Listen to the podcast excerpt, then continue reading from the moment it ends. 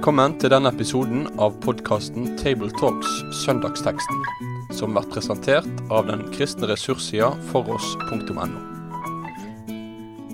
Hjertelig velkommen til en ny episode av eh, Tabletalks Søndagens tekst. Podkasten hvor vi snakker om eh, kommende søndags pregetekst og diskuterer og, og, og eh, ser nærmere på innholdet i den. I dag skal vi snakke om det som er teksten for uh, første søndag i faste. og Den finner vi i Matteus 16, vers 21-23.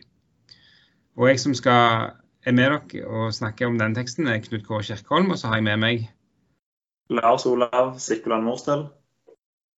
Og Sverre Bø. Yes. Og eh, Vi skal straks lese teksten, men først vil jeg bare kort si noen ord om den eh, søndagen vi står overfor. Altså nå er vi i gang med fastetida. Og det er en rekke søndager i fastetida hvor vi leser tekster som eh, på ulike måter skal bidra til å forberede oss eh, på det som vi skal feire i påsken. Og I dag så ble det veldig tydelig med en tekst som eh, snakker klart om at Jesus skal lide og dø. Fastetida er en tid for forberedelse og en tid for å reflektere og vende blikket imot Jerusalem og gå den veien sammen med Jesus. Eh, og Det er òg det vi skal få gjøre i dagens tekst. Nå skal jeg lese teksten, og så skal vi etterpå samtale om den, innholdet i den. Fra da av begynte Jesus Kristus å gjøre det klart for disiplene sine at han måtte dra til Jerusalem, og at de eldste overprestene og de skriftlærde skulle la ham lide mye. Han skulle bli slått i hjel, og den tredje dagen skulle han reises opp. Da tok Peter ham til side og ga seg til å irettesette ham. Gud fri deg, Herre, dette må aldri hende deg. Men Jesus snudde seg og sa til Peter, Vik bak meg, Satan. Du vil føre meg til fall. Du har ikke tanke for det som Gud vil, bare for det som mennesker vil. Sånn lyder denne korte, men eh, innholdsmetta teksten. og eh, Det første vi kan gjerne bemerke oss, er jo at den er klipt ut fra en ganske innholdsmetta sammenheng. Eh, og du, Sverre, har jo jobba bl.a. med det som kommer etter teksten, om, det å ta opp sitt kors. Og det er jo ikke akkurat uvesentlig det som står rundt dagens tekst. Så vi bør jo si noen ord om det òg. Ja, det tror jeg. For eh, både det som står foran og det som kommer etterpå, henger så tett sammen. Og det er kjente vers både foran og bak, så kanskje skal vi være litt obs på hvor vi hopper inn. Eh, det begynner med at Jesus spør hvem sier folk at menneskesønnen er? Og det kommer mange forslag på det. Men så spør Jesus hva sier dere? Og da kommer Peters sterke, store bekjennelse, og Jesus som gratulerer Peter med den bekjennelsen, og lover at ikke engang dødsrikets porter skal få makt over den kirke som Jesus vil bygge på denne klippen. Og I forhold til å løfte Peter så høyt, så er det jo et enormt ras nedover, når han i vår tekst simpelthen blir kalt for Satan. Eh, og sånn som du sier, Peter, må du ikke gjøre, for du fører meg til fall. Og når Jesus da har forklart at han skal lide og dø og stå opp igjen, så går han over til å snakke om at enhver som vil følge Jesus, også må være forberedt på å fornekte seg selv, ta sitt kors opp, for å følge Jesus. For bare den som mister sitt liv, skal finne det. Så det er en ganske mettet sammenheng i løpet av bare et halvt kapittel her i Matteus 16. Og det å ta av seg kors kan vel nesten også innebære å gi avkall på sine hjemmesnekra forklaringer på hvordan Jesus bør være.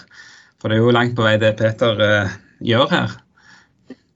Ja, det blir ikke mye igjen av vårt eget som ikke skal fornektes, når uh, egotankene plutselig skal liksom erstatte Guds plan. Mm. Apropos det med Guds plan. Uh, du Lars Olav, påpekte når vi snakket litt rett før vi setter på opptak her, at det er jo et det er, en uttrykksmåte i denne teksten som uh, gjør det veldig sterkt og tydelig at det, vi virkelig står overfor en Guds plan her. Ja, eh, i norsk oversettelse står det vel at uh, Jesus måtte dra til Jerusalem. Eh, og På gresk er det brukt ordet dei. Eh, at det er en eh, Det er snakk om en nødvendighet, en absolutt nødvendighet, at Jesus måtte dra opp for å, å dø. Og Det er ganske spesielt å si at det er nødvendig at jeg skal dø. Eh, eller at, eh, at menneskesønnen, av Jesus, skal dø. Og eh, Hvis en ser på andre plasser det ordet er brukt, så er det mange ganger en sammenheng der det er snakk om en eh, nærmest en profetisk nødvendighet. Eh, her Senere i kapittel 17 vers 10 så er det snakk om at det er nødvendig at Elia eh, må komme, eller altså døperen Johannes. Eh, I, vers, eh, I kapittel 24 vers 6 så er det når Jesus snakker om de siste ting, eh, eller endetida, så, så, er det snakk om at sånn og sånn må skje for at enden skal komme. Og så er det helt til slutten i Eller ganske mot slutten, når Jesus er i Getsemane og skal bli pågrepet, så prøver Peter å forhindre at Jesus skal bli eh, på, pågrepet. Og, og, da sier Jesus at eller for, irettesetter Jesus Peter, og han sier at det er nødvendig at dette skal skje. Så vi ser at Gud han har en, en, en frelsesplan. Eh, at det, det, det, det, er noe som, som, som, med nødvendighet må skje for at mennesket skal bli frelst. Så kan vi da tenke på, tenke på eh, Getsemane når Jesus ber sier han at hvis dette er mulig, så la det, la det gå meg forbi. Eh, og så hører vi ikke noe rungende svar fra himmelen, men vi leser kapitlet og vi ser hva som skjer. Eh, og, og svaret er egentlig tydelig at det, det, var nødvendig at Jesus måtte dø. Og, og, vi får noen hint her og der hvorfor han måtte dø. Det er bl.a. eh, han sier at han skal gi sitt liv som en løspenge. At uh, med å gi sitt liv så skal han kjøpe mennesket fri. Og, og under innstiftelsen av nattværen at uh, snakker han om sitt blod som utgytes til syndens forlatelse. Så det, den veien Jesus gikk, det var en, en nødvendig vei.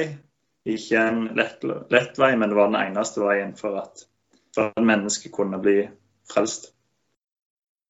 Godt poeng. Og eh, jeg tenkte også på, på sånn Jesus begynner, Det står at han begynte å gjøre det klart for disiplene. Eh, det står vel at han begynte å vise dem. Eh, så, som er jo det er noe som er planlagt, det er noe som Jesus er klar over, og så er det noe som tydeligvis at disiplene sliter med å, å få tak i. Og, og, det er jo litt sånn påfallende hvor krevende den tanken her er for disiplene. Og det har fått meg til å tenke på det at eh, de er jøder. De er vokst opp i en kontekst hvor de har hørt om Messias, og de har sikkert uh, lært om hvem og hva og hvordan Messias skal være. Og så er det helt åpenbart at uh, selv om Peter kort tid i forveien har, uh, har, kalt Jesus Messias og har kjent han er Messias, så er det bare en total krasj for Peter at Messias skal lide og dø. Det er helt åpenbart at det er noe som eh, ikke, ikke går hjem hos, eh, hos han. Eh, og, og, vi finner jo egentlig mange eksempler på det at det er en del sånne forventninger som disiplene må ha hatt, og som er veldig krevende. De bruker lang tid på å få. Det samme gjelder jo misjon òg. Det å begynne å, å, å, drive misjon, det er liksom en, en, ganske sånn De må dras ganske hardt før de begynner å forstå hva som er, er Guds plan. Så det er en sånn Ja, skal ikke kalle det for manglende lydhørhet, kanskje, men det er kanskje det det er. Men, men liksom, det er lett å sitte her og, med 2000 års kirkehistorie og kritisere dem. Jeg tror vi finner noe av dette igjen ganske ofte i bibelhistorien, også i Det gamle testamentet. Jeg tenker på denne syriske generalen som het Naman, som kom den lange veien for å bli helbredet for sin hudsykdom. Da han endelig kom til rett mann, og rett mann foreskriver en veldig enkel måte å kvitte seg med denne hudsykdommen på, så protesterer Naman og blir sint. Og så sier han 'jeg tenkte at profeten skulle gjøre det sånn og sånn'. Og når han ikke gjør det sånn og sånn, så er han klar for å reise hjem, for da blir det ikke noe av. Og så hadde han heldigvis kloke folk med seg som kunne likevel lære ham å ta denne anbefalingen på ordet. Altså, jeg tenkte det skulle være sånn og sånn. Peter tenkte hvordan Jesus skulle bli denne Messias, frelseren. Men Gud tenkte det annerledes, og så går våre tanker i veien for Gud. Det kan være gjenkjennelig fra andre områder av livet vårt òg. Vi ber til Gud og forteller han akkurat hva han må gjøre for at han skal gi et bønnesvar etter vår klokt uttenkte plan. Og det blir jo egentlig litt feil i forhold til å si sånn er problemet, dette vet du råd med Jesus. Stell sånn med meg at jeg er villig til å følge din plan, for det blir jo det beste. Mm. Ja, jeg, jeg syns jo det, det, er fascinerende å, å, se på reaksjonen til Peter. Da, at, han, at, han, absolutt stopper opp med dette at Jesus skal, skal dø. Det er noe vi er blitt så vant med å, å høre fortellingen om at Jesus skal lide og dø, at vi ikke eh, ja, vi skjerper ikke ørene når vi hører det. Eh, kanskje mange i dag vil heller få hakeslepp av at han sier at han skal stå opp. Eller for det er jo, det er jo noe naturstridig eller noe som, som folk er vanskelig for å tro. Men men eh, det er liksom bare et ikke-tema i den videre samtalen. Eh, for alt, alt fokuset eh, ligger på, på, lidelsen. Peter får så hageslepp at han, eh, når han hører første delen av setningen, at han, eh, at han tenker ikke videre på, på, dette med oppstandelsen, som eh, kanskje vi i vår tid ville vil tenkt mer på. Da. Men, men der er det vel noe med synet på hvem Messias skulle være, da, at det var så uh, uhørt at Messias skulle, skulle lide.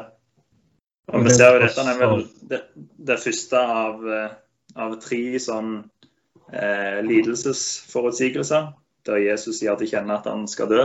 Og, og vi ser jo det at det, selv om Jesus har sagt det tre ganger, så prøver han fremdeles å, å forhindre det når Jesus blir tatt, tatt til fange. Så det gikk litt tid før det gikk inn, tror jeg. Absolutt. Og uh, dette var gjengen som hadde ISI 53, holdt på å si, men, men uh, det var gjerne ikke så, så mange tanker de hadde om, om, at Messias skulle lide. Det var nok kongen og, og det som var mest vekt på. Sverre, du har en kommentar? Ja, for det er jo ikke bare det at Peter syns kanskje ikke dette var helt nødvendig, eller at han ville anbefale en litt annen strategi. Det står jo rett ut selv på norsk at Peter ga seg til å irettesette. Men det står enda strengere på gresk, for det verbet som der står med epitimao, det er det som brukes når Jesus truet bølgene og vinden og sjøen så den ble blikk stille. Og det er det som brukes når Jesus driver ut onde ånder og truer den onde ånden. Så Peter bruker språkets sterkeste grep, for det må aldri finne på skulle skje deg. Og svaret til Jesus er jo heller ikke av den myke, forsiktige, terapeutiske typen. Eh, når han kaller selveste Peter for eh, Satan i, i, dette uttrykket, og sier at du har aldeles ingen sans for det som hører Gud til. Og konsekvensen av det du sier, er at du vil føre meg til fall. Så det er et ganske høyt eh, konfliktnivå i, i den ordvekslingen. For det handler om så utrolig viktige ting at Gud må få gjennomføre sin plan på sin måte. Og eh, Vi kan jo gjerne i samme slengen ta med oss eh, kroppsspråket, som, som, vi får eh, noen glimt av.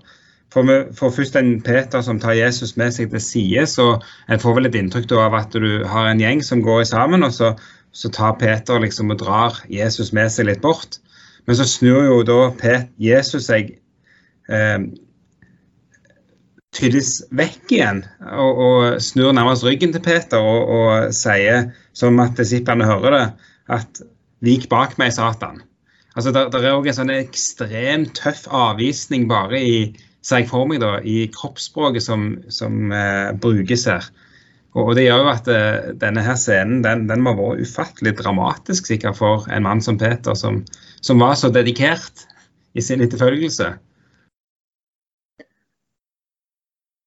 Og Kontrasten blir jo også forsterket av at det er mindre enn to minutter siden eh, Peter har avlagt sin store bekjennelse, og hvor Jesus sier det at det er så fantastisk, salig er du. Dette har ikke kjøtt og blod åpenbart deg, men min far i himmelen. Og så altså To minutter etterpå så taler han det som ville være å føre frelsen til fall, og blir Satans talerør inn og sette krokfot på Guds frelsesvei. Så det er virkelig dramatisk. Mm. En annen ting som eh, jeg tenkte litt på i, apropos det med navn, det var òg det at eh, i vers 21 så kalles Jesus for Jesus Kristus. Og det slo meg som et lite brudd. Eh, for når en leser Matteus, så er det primært at han snakker om Jesus som Jesus, med navnet hans. Noen plasser så omtales Jesus òg som, eh, som Kristus, men da ikke sånn som en direkte angivelse av at Jesus gjør et eller annet. Hver gang Jesus gjør en annen aktivitet, så kalles han Jesus. Men her så kalles han Jesus Kristus. Eh, og det tror jeg er en av disse tingene som sikkert ikke er tilfeldig. Eh, han kaller også Jesus Kristus, eller skriver Jesus Kristus i starten av evangeliet. Og det, det, det springer litt i øynene at det er denne det er denne Jesus Kristus, denne Jesus Messias, Jesus kongen, som begynner å gjøre det klart for disiplene at han skal eh, til Jerusalem og gå gjennom det han skal gå gjennom. Eh, og, og, dermed så får vi kanskje der òg en liten sånn en glimt av dette litt uhørte, og, og bakteppet for denne voldsomme reaksjonen som eh, Peter har da, i møte med, med dette budskapet. Mm. Eh, en annen ting som eh, vi kunne spone, kan avslutningsvis spinne litt på, det er jo dette her med at eh, fastetida som en tid for å vende blikket rett vei. Eh, Peter får høre at eh, du har ikke tanke for det som Gud vil. I det så ligger det vel at du har ikke, du har ikke en tenkning, du har ikke en oppmerksomhet, eh, du har ikke en forståelse. Eh, og rent praktisk, som når vi skal forkynne, kan vi òg si noe om det eh, til våre tilhørere? Konkrete, praktiske råd om, om det å bruke fastetida på, på, en god måte? Er ikke du Sverre som har mange års erfaring, har du noen erfaringer med det? Ja, jeg har i hvert fall erfaring med at det kommer ikke av seg selv. Og det å ha hørt noen ganger før at Jesus døde på korset for meg, det er en stor lykke å ha hørt det og på en måte vite det. Og likevel så er det ferskvare. Eh, det var Gud som fant på frelsen. Det var han som fant på hvem som skulle gjøre det, hvor det skulle skje, hvordan det skulle skje.